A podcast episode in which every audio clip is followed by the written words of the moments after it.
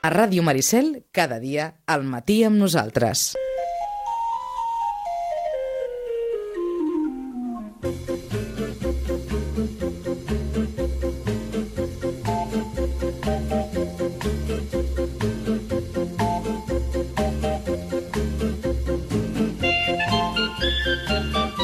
Vinga, 3 són els minuts que passen d'un quart de 12 eh, i doncs això, els 42 minuts que ens falten per arribar fins a les 12 els dedicarem als seriòfils. Els nostres seriòfils, amb Camil Villaverde. Camil, bon dia. Bon dia.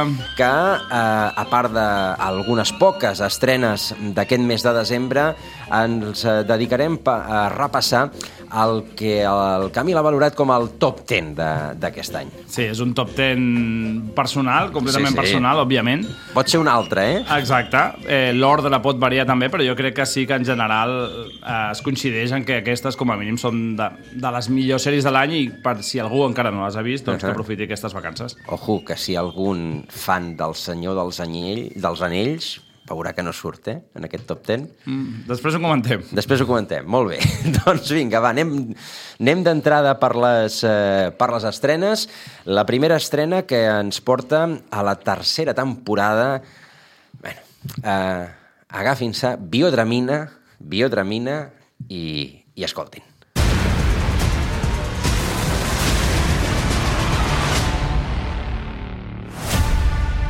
Jack, puedo imaginarme lo que te está pasando por la cabeza.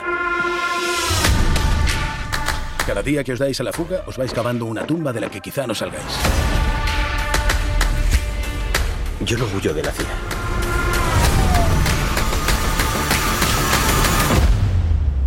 Entonces, ¿por qué te están buscando? Un grupo de rusos de línea dura idearon un plan para preservar la URSS. Un ataque nuclear limitado para desatar el caos. Han construido el arma y la están trasladando. Bueno, ja està, no cal, no, no cal entrar més. La tercera temporada de Jack Ryan, eh, Tom Clancy Jack Ryan, eh, la segona jo no vaig ser capaç de passar del primer episodi, que anava de Venezuela, Sí, exactament. Doncs I... jo vaig veure, crec que el segon, o vaig quedar en mitjans i allà no, tampoc vaig poder passar més. I ara aquí, aquí va de russos. Els russos, no? Tornen a ser una mica els dolents. Els dolents, oi? De, després d'un temps que havien estat, doncs, a, doncs allò, els integristes, eh, musulmans, els àrabs i tal, ara tornen a ser els russos els dolents de la peli.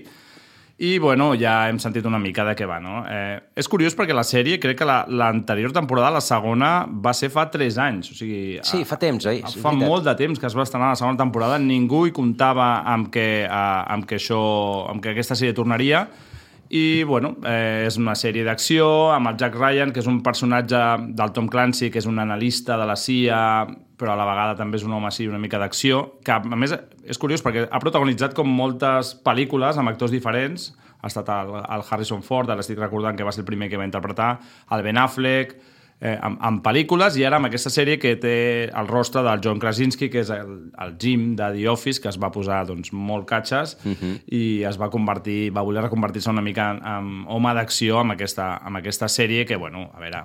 Eh, ja sabem tots el que és. Si a algú li agrada les sèries d'acció, de la CIA, en aquest cas eh, sospiten que ell ara la mateixa CIA sospita d'ell com que potser està en una conspiració, té tothom en contra...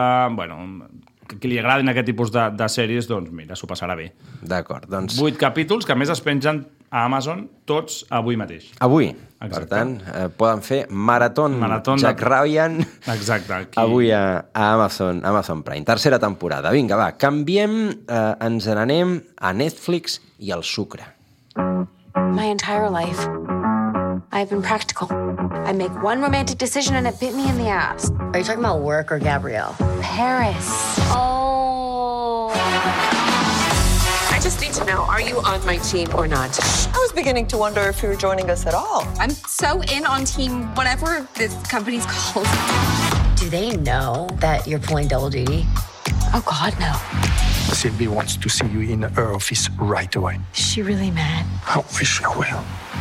És també una tercera temporada, també d'una sèrie, diria que també fa temps de la, de la segona, Emily in Paris. Emily in Paris, i, i que també ningú sospitava, quan es va estrenar la primera, ningú sospitava que això duraria tres temporades i que sigui una sèrie que, malgrat que la destripin constantment, no dic que, no dic que immerescudament, eh, doncs agrada. Eh, té, té molts espectadors i Netflix, si no, tal i com van ara, l'haguessin cancel·lat fa temps, però ara han produït una tercera i en preparen una quarta, que és aquesta sèrie doncs, d'una doncs, nord-americana en el món de la moda que va a París doncs, a viure una mica el somni i és clar, tots els clichés que us podeu imaginar de com els americans veuen els francesos, veuen París i, i tot aquest glamour no? que rodeja el, el món de, sí, de la moda. Sí, i una història ensucrada pel mig. Clar, eh... sí, sí, hi ha un triangle amorós, eh, va començar amb un que sí, que no, que sí, que no, ara ha entrat un tercer i eh,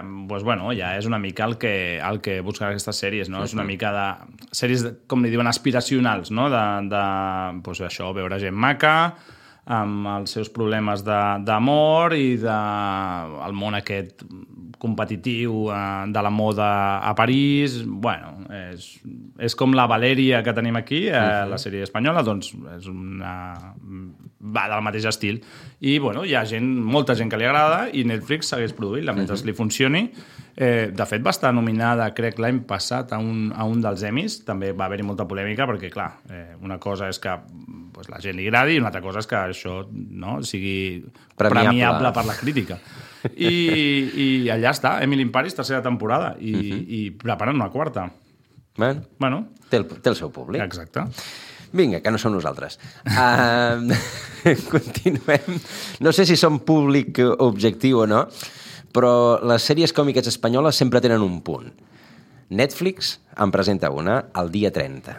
Me llamo Santi y soy machista. Y estáis aquí porque habéis decidido transitar hacia un nuevo concepto de lo que significa ser hombre. ¿Cómo hemos acabado aquí, tío? Y yo qué sé. Tú eres un rancio. ¿Eso qué? Ah, se ha aprendido cuatro palabras y está aquí sentando cátedra. Todos somos machistas. Porque es en la cultura que nos hemos criado. A mi masculinidad no la deconstruye ni Dios. Abrimos la relación para poder acostarnos con otras personas. Me lo... ¿Puedo pensar por lo menos? La masculinidad tradicional nos hace infelices. ¿Me estás echando? Ellas lo llaman techo de cristal. ¿Cómo nos tenemos que sentir ante esta nueva situación? ¿Habéis hecho match en Tinder? No, jo És a dir, agafem tots els tòpics que hi ha al voltant de, diguem, dels problemes de gènere Exacte. i, i els transformem en això, en una sèrie que es diu Machos Alfa. Machos alfa, exacte, és jugar una mica amb, el, amb la nova masculinitat, no? de tots aquests canvis eh, portats pel feminisme i com eh, doncs, quatre personatges una mica, alguns una mica així perdedors, eh, entomen aquest, eh, amb els 40 llargs, entomen aquest canvi de, de paradigma doncs una mica així amb, amb, amb sentit de l'humor, potser una mica així de trasgruix, no és un humor eh, fi, eh, però és l'humor del, dels germans eh, Caballero, que són potser al gran públic no els hi sonen, però són els artífecs de dues de les comèdies televisives espanyoles potser de les més vistes de la història.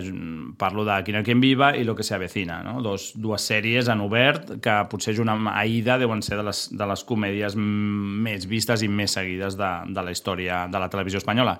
I es passen a Netflix amb aquesta sèrie que és un to diferent, fins i tot visual, molt més cuidat, no és tant una sitcom així, eh, diguéssim, barata eh, o diària com les que feien abans, sinó que és una sèrie com una mica més cuidada, amb, amb un repartiment molt ampli, el Gorka Ochoa, el Fernando Gil, la Kira Miró, el Fele Martínez, que va costar reconèixer-lo perquè està, està atrotinat una mica, aquest home, i, i, i això, doncs girar una mica al voltant d'aquests quatre amics eh, que veuen com el món ha canviat i ells, doncs, això, s'hauran d'adaptar. Mm -hmm.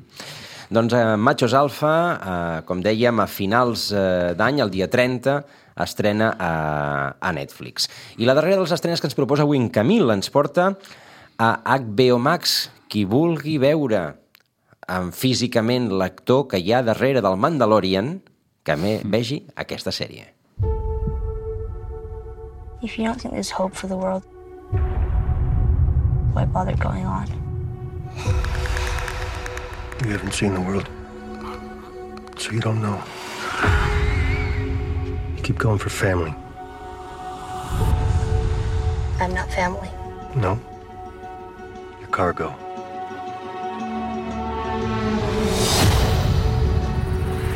Why are you so important?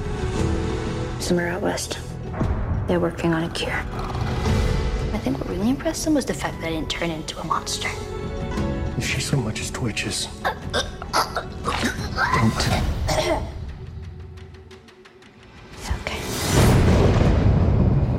I darrere de tanta transcendència hi ha Last of Us i Pedro Pascal.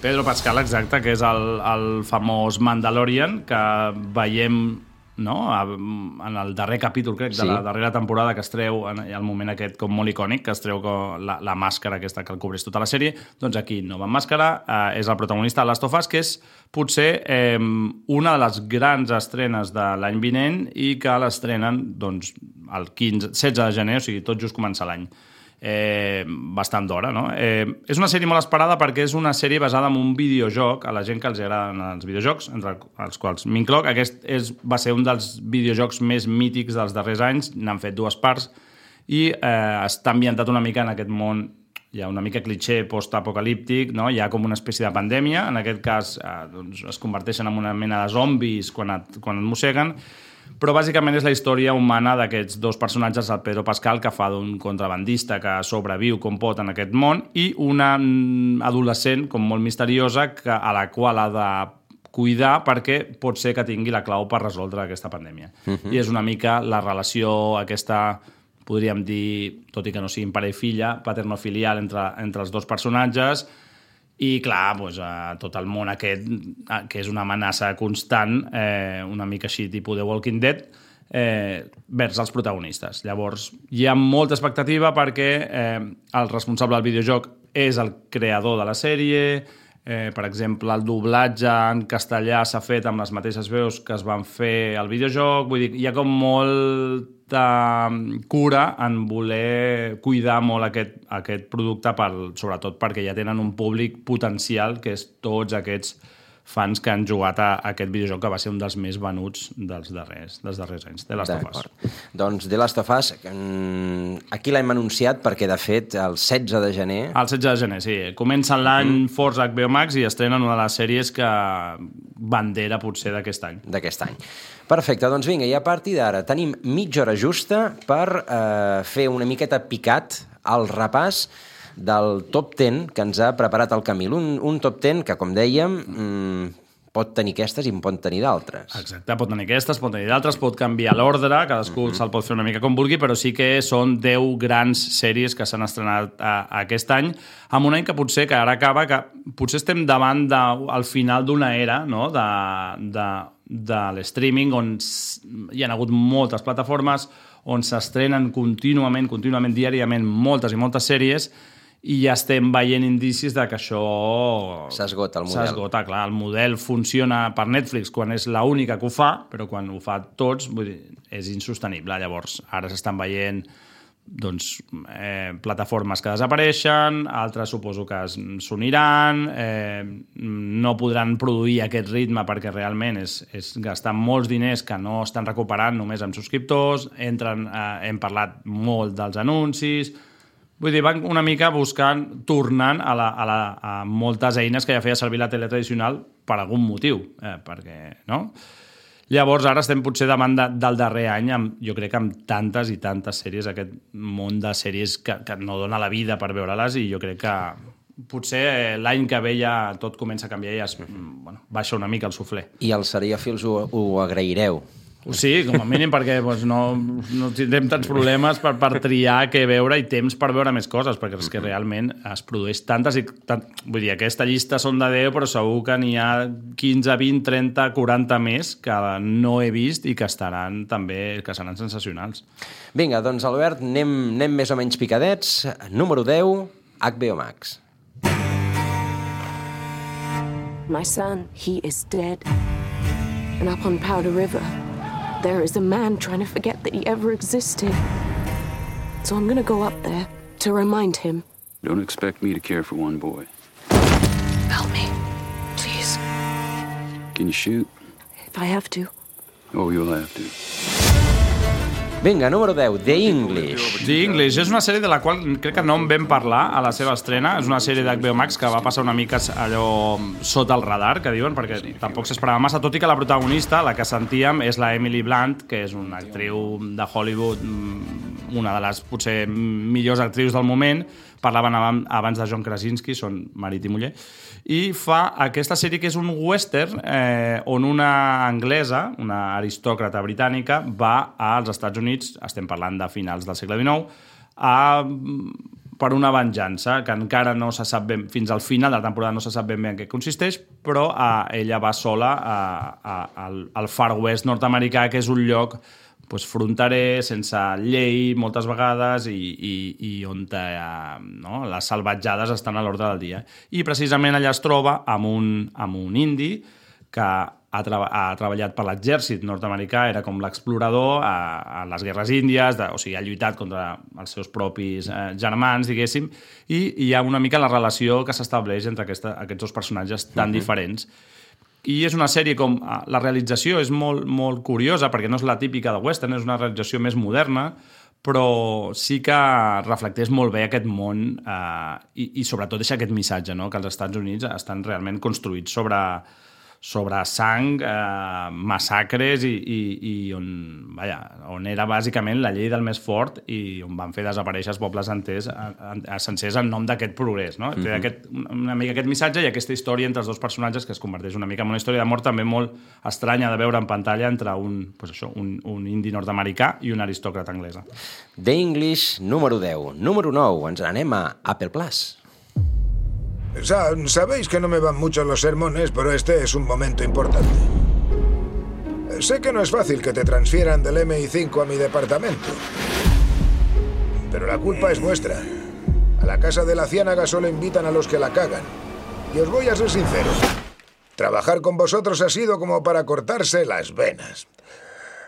I, i, i ja està. Uh, ja, ja està tot presentat. Uh, Slow Horses. Sí, en vam parlar, perquè es va estrenar a principis d'any, no? ara es torna a estrenar la segona temporada, va funcionar, és una sèrie d'Apple, on aquests uh, Slow Horses, no? aquests cavalls lents, que és com diuen al, en l'MI6, que és una mica el servei d'intel·ligència britànic, aquells agents doncs, que s'han quedat una mica enrere perquè han fet alguna cagada grossa.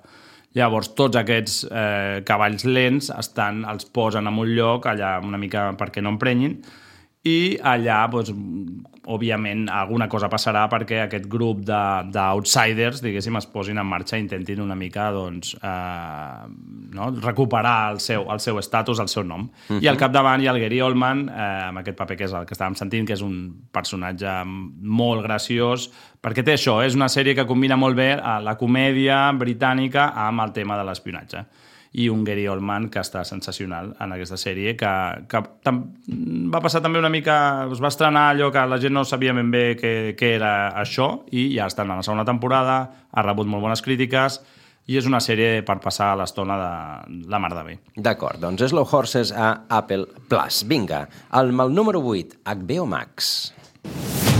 My goal is for your rehearsal to reflect reality. The government has Sasquatch liaisons. I love you, Daddy. With this show, if your performance isn't accurate, you could ruin someone's life. This is all sort of absurd. Keep them crying. Don't let up. Okay. I gotta tell you something. I don't want to talk to you again. Do you find it's I si poguéssim eh, practicar els moments importants de la nostra vida abans que passessin? The Rehearsal. Exacte, The Rehearsal, els, los ensayos, no? s'ha traduït en, en castellà, és una sèrie d'HBO Max. Jo haig de dir que sóc molt fan d'aquesta sèrie. M'agraden aquestes coses a vegades una mica inclassificables. És un realment... reality, això, eh? Sí, perquè no saps ben bé si el que estàs veient és real. Té, té, total... Sempre et dona aquesta sensació. Dius, això és veritat? No és veritat? És ficció? És una docusèrie? És un reality? i està portat pel Nathan Fielder, que és un dels personatges més eh, sui generis i, i més inclassificables de la comèdia nord-americana, i fa aquest paper de, això, decideix doncs, una mica què passaria si poguessis recrear i assajar mil vegades abans de prendre una gran decisió, de tenir una conversa, i es dedica a fer això amb gent del carrer.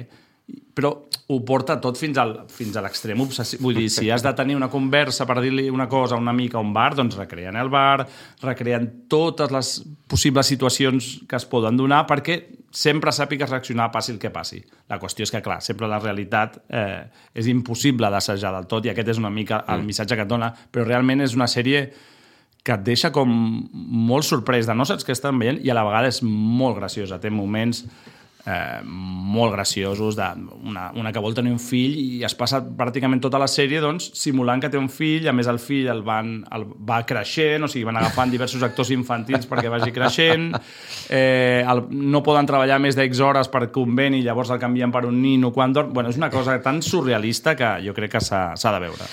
Doncs uh, The, Re- The Rehearsal uh, amb el número 8. Amb el número 7 ens n'anem a Prime.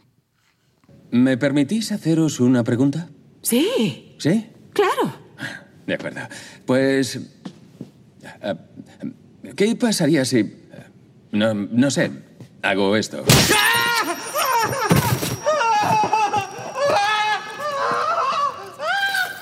I ja està, li ha rebentat les orelles. Uh, The Voice. The Voice de Prime, que és una mica, doncs, ara que ha estat tan de moda els, els, els superherois, no? La, totes Marvel, DC, tot això, doncs és una mica, eh, el, com diuen, no? Star Wars, el, el reverso oscuro eh, d'aquests- d'aquestes pel·lis de superherois, perquè és una sàtira sagnant, i mai més ben dit, en tots els sentits, eh, sobre eh, què passaria si hi hagués gent realment amb, amb poders. I, perquè, clar, donem per fet, veient les pel·lis, que tots serien eh, no, els herois que intentarien salvar el món, i aquí no, aquí fan servir els seus poders pels seus propis interessos, que són unes persones realment, en general, bastant menys preables, però que tenen aquest, aquests superpoders i com els fan servir comença sent... És la tercera temporada aquesta, va començar això com una sèrie també amb aquesta sàtira, amb aquesta comèdia, i jo crec que li han anat trobant la, el to i la punta i la crítica, i en aquesta tercera temporada ja s'ha ja revelat.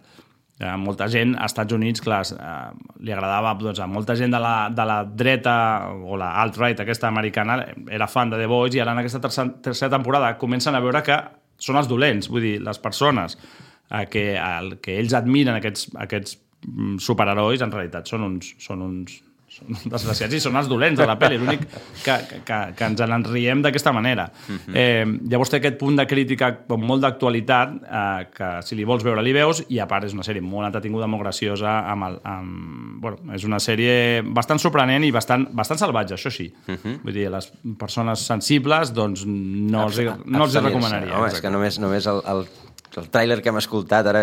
Clar, clar, és un aspirant a superheroi que sembla que va un rotllo i, li, i, i l'altre gratuïtament, eh, diguéssim, li, el, el destrossa viu i el deixa allà tirat mentre es queixa d'una altra cosa. Vull dir, és un, és un Sí, sí, personatge sí, sí. molt poc empàtic. Aquest, el patriota, que ja sona com un dels, dels aspirants a millor actor de l'any de l'any vinent, perquè realment el, el paper que fa és sensacional.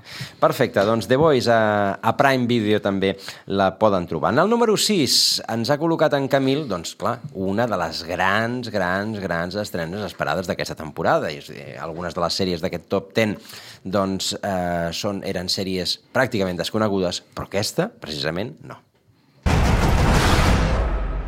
The road ahead is uncertain, but the end is clear. We are better defended. Against whom? Whomever may dare to challenge us. The threat of war looms.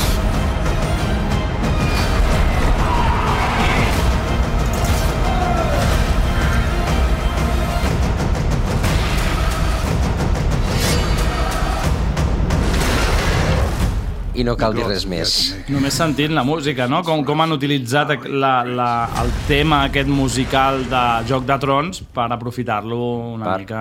La Casa del Dragón. Exacte, Casa del Dragón. Aquí he pensat també potser incloure el senyor dels... Saps? Era el mix de eh, Casa del Dragón, Senyor dels Anells, Uh -huh. eh, com dues de les grans sèries a, a nivell, diguéssim, de recepció i a nivell de diners que han costat i a nivell d'expectativa i crec que això a la, a la vegada ha estat potser una de les coses que han tirat enrere la recepció de- d'aquestes sèries, l'expectativa. No? Hi havia un, un hype que diuen els, els americans molt bèstia amb aquestes, amb aquestes dues sèries, Senyor dels Anells i La Casa del Dragón, i la sèrie està bé, és una sèrie entretinguda, és una sèrie feta amb molts diners, que llueixen, però potser, clar, un venia amb les expectatives de Joc de Trons i, doncs, bueno, Està, que queda per sota, no? Una mica de les Sí. estratègies que podies haver creat. També, també juguen una miqueta que, que el, sobre, en, el, en el cas de la Casa del Dragón els primers 4 5 episodis són de, tant de posada en escena Exacte. És, han de posar totes les noves peces, perquè clar, hi ha molts personatges nous, eh, tots rossos que a vegades, si no estàs una mica, els vas confonent, i t'han de col·locar un altre cop totes les peces. Però en aquest cas, al joc, a Joc de Trons, doncs el món era com més ampli en el sentit de que anàvem a molts llocs diferents, eh, al nord, a no sé Sí, aquí no. Aquí, aquí estàs tota l'estona jugant a, a, a, diguéssim, a la capital del regne, amb els Targaryen. A més, hi ha com uns passos de temps, de molt de temps, en els primers capítols, i com costa una mica posar-te. És veritat que quan ho troben i ja les han posat, les peces aquestes, doncs la cosa comença a accelerar i doncs trobem el que tant ens agrada d'aquestes sèries, no? Les intrigues, a Palau, els combats, els dracs... sí, sí, no? i, un, i un final sorpresiu, no fem spoiler, que obra- òbviament Obre, exacte. dona, don, donarà joc perquè per la segona temporada. Home, la segona temporada promet molt més del que ha donat la, la primera, que, Mhm. que, que, repeteixo, ha donat molt el tema que, que és això, l'expectativa. Al final, en aquest món, tot és qüestió d'expectativa. Si en tens moltes i no responen, doncs aquest, aquesta sensació agradolça. I el problema ha estat en, amb el Senyor dels Anells, que, que... que anava molt lenta, no? Ah, exacte, que també va costar molt d'arrencar. A mi em va agradar molt els darrers capítols, però és veritat que tots els primers... Eh, clar, més aquí tenien el desavantatge que han de plantejar tot un món nou. Amb el Joc de Trons ja més o menys sabíem d'on veníem i, i ja, ja, ja es preocupen de plantar coses que ens recorden a Joc de Trons o que diuen, vale, això després passarà, a Joc de Trons passava això. Vull dir, tenim aquests ecos. Però El Senyor dels Anells és una sèrie que, vale, sí, tenim el tema dels anells, però serà molt després i ens plantegen tot de personatges nous, tot de món nou, i tenien una mica encara més aquest desavantatge de posada de fitxes a cada lloc. Jo crec que també la segona temporada promet bastant més del que ha donat la, la primera. Uh -huh. Vinga, doncs eh, en, sisè, en sisè lloc eh, el, sen- eh, perdó, la casa, la casa del dragón i en cinquè HBO Max. I'm- I may be paranoid, but I need you to drive me in the boat. Drive the boat to the shore. Please, these gays, they're trying to murder me. Mi capisce? Sì, Mi, yes. Oh, yeah. anch'io sono gay. Eh, what? Qua siamo tutti gay. You're gay? Sì. Tutti quanti siamo gay. Tutti. Tutti quanti. Nosaltres siamo gay, no? Ja ho deixat clar. The White Lotus. The White Lotus. He posat La aquesta segona. escena perquè la Mhm. segona temporada, perquè s'ha convertit una mica en un meme aquesta, aquesta escena, perquè és, mm, clar, és, és del darrer capítol i si has seguit la sèrie doncs és entre hilarant i inquietant aquesta escena i aquest moment de, de els gais est- estan tratant d'assassinar-me i l'altre dia i tots som gais és un pilot italià i una dona nord-americana milionària que no sap parlar italià vull dir, hi ha aquesta no, confusió de que no, se saben, ben- no saben ben bé de què estan parlant un ni altre i s'ha convertit en un, en un meme a xarxes socials perquè The Wild Lotus la segona temporada ha funcionat com un tret. Me la vaig veure crec en un o dos dies i és un altre no? és com passar-s'ho bé eh, i a part té aquesta sàtira i aquesta crítica respecte doncs, a aquests no? grans milionaris o gent de molts diners nord-americans que estan com molt per sobre de tot i que tots coincideixen en aquests White Lotus que ja n'han fet una marca, no? d'aquest- aquesta cadena d'hotels. La primera temporada era Hawaii, aquesta segona temporada és a Sicília, que a més està rodada, és, és espectacular, qui li agrada Itàlia i tal, doncs només veure com està rodat ja, ja, ja gaudirà, però sobretot la gràcia és aquests personatges eh, no?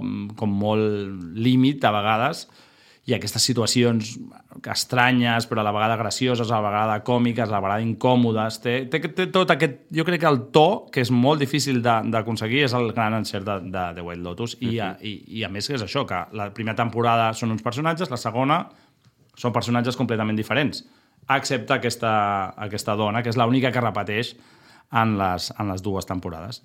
Doncs uh, The White Lotus amb el número 5. I amb el número 4 a Disney+. Plus. 25 pounds? No, no, no. I ordered 200. What is beef? You still got that meat connect? You get 12.50 for that on eBay. Boom. You cut vegetables like a bitch. Not system. System, baby. System. System. This is your brother's house. I was running it fine without you. Why didn't he leave it to you then? I darrere d'aquest estrès, eh, d'aquest so de Chicago, precisament, The Beer. Exacte, de Disney, de Disney Plus.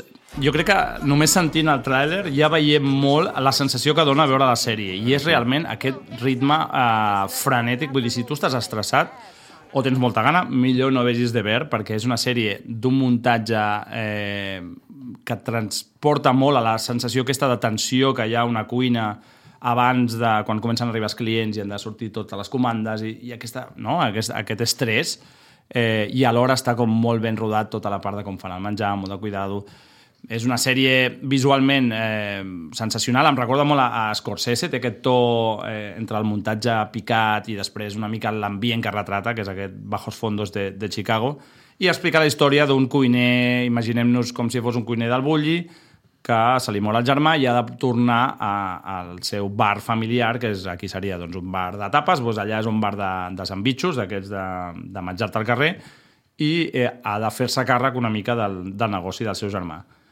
I ha de lidiar doncs, amb la pèrdua del seu germà, amb la pèrdua de, del, de la seva carrera, i com li vol donar una altra era a aquest, a aquest bar de, de sandvitxos, a més amb tota la gent que ja hi treballa allà, que són personatges mm, com molt, molt diferents i, i que veuen com el seu món, no? que coneixien, que era, doncs, bueno, ja sabien el que havien de fer, comença a canviar per complet amb, amb l'arribada de, del, del protagonista. Uh -huh. Una sèrie que com tampoc ningú n'esperava massa i s'ha convertit en una de les favorites de, dels crítics d'aquest any i realment és una sèrie que es veu com molt ràpid, són pocs capítols, tot i que els personatges són a vegades una mica no són blancs, vull dir, tenen molts, moltes zones fosques, però hi ha com un molt de carinyo per part dels creadors respecte als seus personatges i tu li, agafa, li acabes agafant aquest, aquest carinyo i a part, tot i l'estrès i, i això, dona com bon rotllo al final, al final de temporada i ja estan preparant la segona.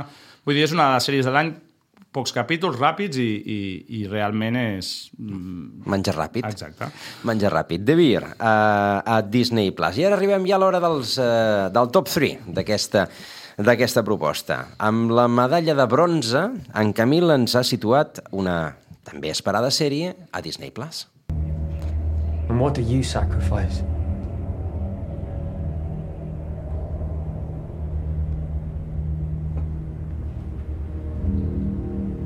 Calm. Kindness, kinship. Love. I've given up all chance at inner peace. I made my mind a sunless space. I share my dreams with ghosts. I wake up every day to an equation I wrote 15 years ago from which there's only one conclusion. I'm damned for what I do. My anger, my ego, my unwillingness to yield, my, my eagerness to fight they set me on a path from which there's no escape. I yearn to be a savior against injustice without contemplating the cost, and by the time I look down, there was no longer any ground beneath my feet. What is my what is my sacrifice? I'm condemned to use the tools of my enemy to defeat them. I burn my decency for someone else's future. I burn my life to make a sunrise that I know I'll never see. Now, the ego that started this fight will never have a, a mirror or an audience or, or the light of gratitude. L'hem volgut deixar gairebé sencera, perquè és que té un punt shakespearià. Totalment. Aquesta... Eh, Aquest monòleg, no? Aquest monòleg eh, absolutament espectacular, l'actor l'actor és excel·lent, eh, d'Andor, don, de, del moment en què, en què la gent infiltrat li pregunta què has sacrificat tu, Exacte. Li pregunta al cap de la resistència, diguéssim, a l'origen del que serà la república, no? Eh, que és aquest eh, home que ha, com, ha combatit sempre contra l'imperi, li pregunta això, no? Què ha sacrifi eh, I- sacrificat i la llista... i la, i la resposta és, bé, és per, per no tornar a obrir la boca. Exacte, és, ja ho diu, no? Ha sacrificat tot. De fet, s'ha convertit en, en, en algo que no li agrada, eh, s'ha convertit en el seu enemic per lluitar contra el propi enemic, no? Al final és aquesta confessió totalment descarnada de, de, del personatge amb una de les seqüències segurament de l'any i és una de les seqüències mm, amb, antològiques, diguéssim, de, de, de les sèries. Eh, es va ser molt comentada en el moment que es va estrenar aquest capítol i hem volgut posar-la per, per reflectir això, que Andor és un producte de Star Wars però que no té massa a veure amb el que ens havien acostumat fins ara aquestes sèries de, de Star Wars, deixant Mandalorian una mica a part, que potser juga en una altra, en una altra lliga, però després d'Obi-Wan, Boba Fett, tantes i tantes coses que s'han produït com molt infantils i molt, molt a vegades molt xorres, podem dir-li així, i aquí doncs, és una sèrie doncs, això que està, té aquest rerefons de Star Wars que reconeixem, de l'imperi, eh, no? l'espai, els planetes, pam, pam, però tracta temes molt adults eh, i, i, i, i va diguéssim que les accions dels personatges tenen conseqüències, bones i dolentes, i llavors no, no se n'escapa d'això. Uh -huh. I jo crec que és una sèrie que l'han encertat completament amb, amb, amb, amb Sí, això. Jo no, no, que la no gràcia m'esperava. aquesta, eh, que els dolents tenen principis Exacte. eh, i els bons tenen una part molt fosca. Exacte, sí, fa gràcia això, que els dolents siguin, doncs això, la, la jefa dels espies de, de, de l'imperi, doncs és una persona doncs, que igual podria ser amiga teva, és una persona Mm. que es pren molt en sèrio la seva feina, que, que creu amb el que fa, que té el, el seu punt de vista que dius, bueno, aquestes coses podria, podria entendre-ho, no? I en canvi els, els, els bons, per dir-li entre moltes cometes, doncs són gent com el que hem sentit ara, uh -huh. que és amb què, què, què he sacrificat? Doncs he sacrificat tot, tot amics, eh, amor, eh, he utilitzat mètodes dels quals no, no em deixen dormir, parlo amb fantasmes, vull dir, ha deixat tot per un objectiu que més sap que mai veurà. Llavors té, té, no? és tot molt gris, no és ni blanc ni negre, allò tan, que ens tenim una mica també acostumats a Star Wars, sinó que és aquesta franja grisa eh, que retracta molt bé i a, i a més un món que realment entres a, viure, a viure en aquest món. És com una mica el dia a dia de, de Star Wars més enllà de- d'això, de, de les batalles de Jedi i això, sinó que és com viu la gent del dia a dia i com funciona no, aquesta maquinària. Ah, exacte. No hi ha espases làser. Ah, No, exacte. A veure, va, que ens en queden dos ràpidament. Amb el número 2, Movistar Plus.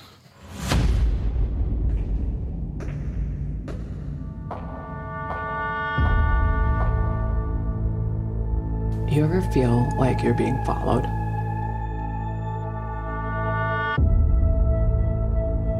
Well, you know what they say the wicked flee when no man pursueth.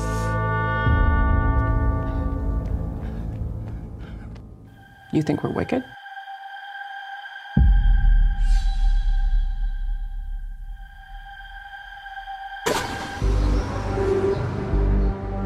Who's here to see Saul Goodman?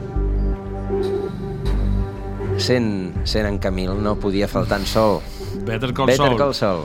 La darrera temporada que jo crec que la confirma no? és la confirmació de la- de l'entrada d'aquesta sèrie amb el, amb, amb el gran olimp, diguéssim, de les, de les grans sèries de la història, uh, d'aquesta sèrie que surt, ja ho sap tothom, no?, de Breaking Bad. Uh, vaig assistir a una, a una xerrada del Vince Gilligan, que és el creador de Breaking Bad i de Better Call Saul, i que la seva primera idea era fer com una sitcom de, de Saul Goodman, que és aquest advocat que veiem a Breaking Bad una mica trilero, no?, i molt, molt, eh, molt estripat, un personatge molt graciós, però a mesura que es van anar posant amb la sèrie van veure que, que aquest no era el to, que no havia de ser una sitcom blanca, sinó que també tenia, doncs, això, era una sèrie molt més seriosa, Eh, a més, una sèrie diferent, perquè és com una sèrie d'advocats, tot i venir del món Breaking Bad, al principi és com una sèrie d'advocats, doncs una mica la conversió d'aquest eh, Jimmy McGill, que és la protagonista, un advocat de 3 al quarto, que es converti... com acaba convertint-se en Saul Goodman, i una mica com sentíem el monòleg d'abans, què ha sacrificat,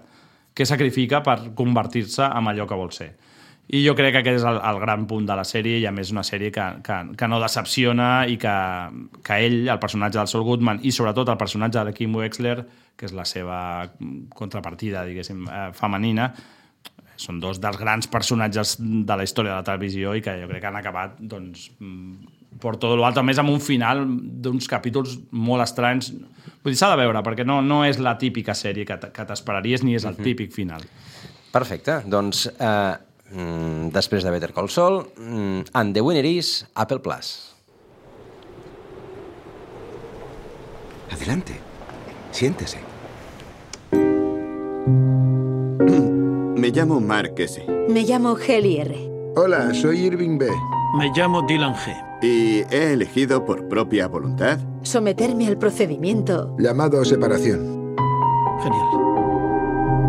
Doy mi consentimiento a la corporación Lumon. Que es una buena corporación. Para separar los recuerdos de mi vida laboral de los de mi vida personal. Severance. Severance, i ja t'ho diu el tràiler, no? Això, què passaria si una gran corporació per la qual treballes et proposa això de separar, de, de fer-te una operació quirúrgica al cervell eh, amb, per separar una mica les teves dues vides. És a dir, el que fas des de que entres a la feina no ho recordes en cap moment quan surts a la teva vida fora de la feina i viceversa i eh, aquest punt com futurista, en retro a la vegada, perquè té tota una estètica molt dels 80, és el que basa una mica aquesta premissa, és la que basa la, la sèrie aquesta, que és, per mi ha estat la gran sèrie de l'any, una sèrie que comença, ja estem sentint la música, molt lenta, molt, molt, que et va donar una mica inquietant, però no acabes de veure ben bé per on va i que acaba potser amb el final eh, el capítol final, jo diria que el millor capítol de que s'ha fet aquest any amb, amb televisió és un, és un final que et quedes completament agafat a la, a la cadira. Que bo. De dir, uah, no m'esperava això, cap on m'estan portant i que et deixa amb unes ganes de veure la segona temporada que és, que és, que és brutal. I a més aquest món de, de l'empresa, d'Emils tancats allà, que no recorden el que fan quan surten, però l'espectador, en canvi, sap el que fan fora i el que fan dins, dona una informació que, ells no, que els personatges no tenen i que tota l'estona et dona una sensació com molt... Angoixant. Molt angoixant, molt inquietant, i, i que jo crec que és una sèrie que, si aguantes els dos o tres primers capítols sabent que és una sèrie que no és a ritme picadíssim, sinó que és molt lenta, la, el payoff, el que diuen, eh, com t'ho paguen a l'últim capítol, és ja val la pena. Perfecte, doncs amb aquesta recomanació final, Camil, moltes gràcies, bones festes. Bones festes. I bones sèries. I igualment, aprofitar. I, fi, i fins l'any que ve. Fins l'any que ve. Adéu. I a tots vostès, gràcies i fins demà. Cada dia, al matí amb nosaltres.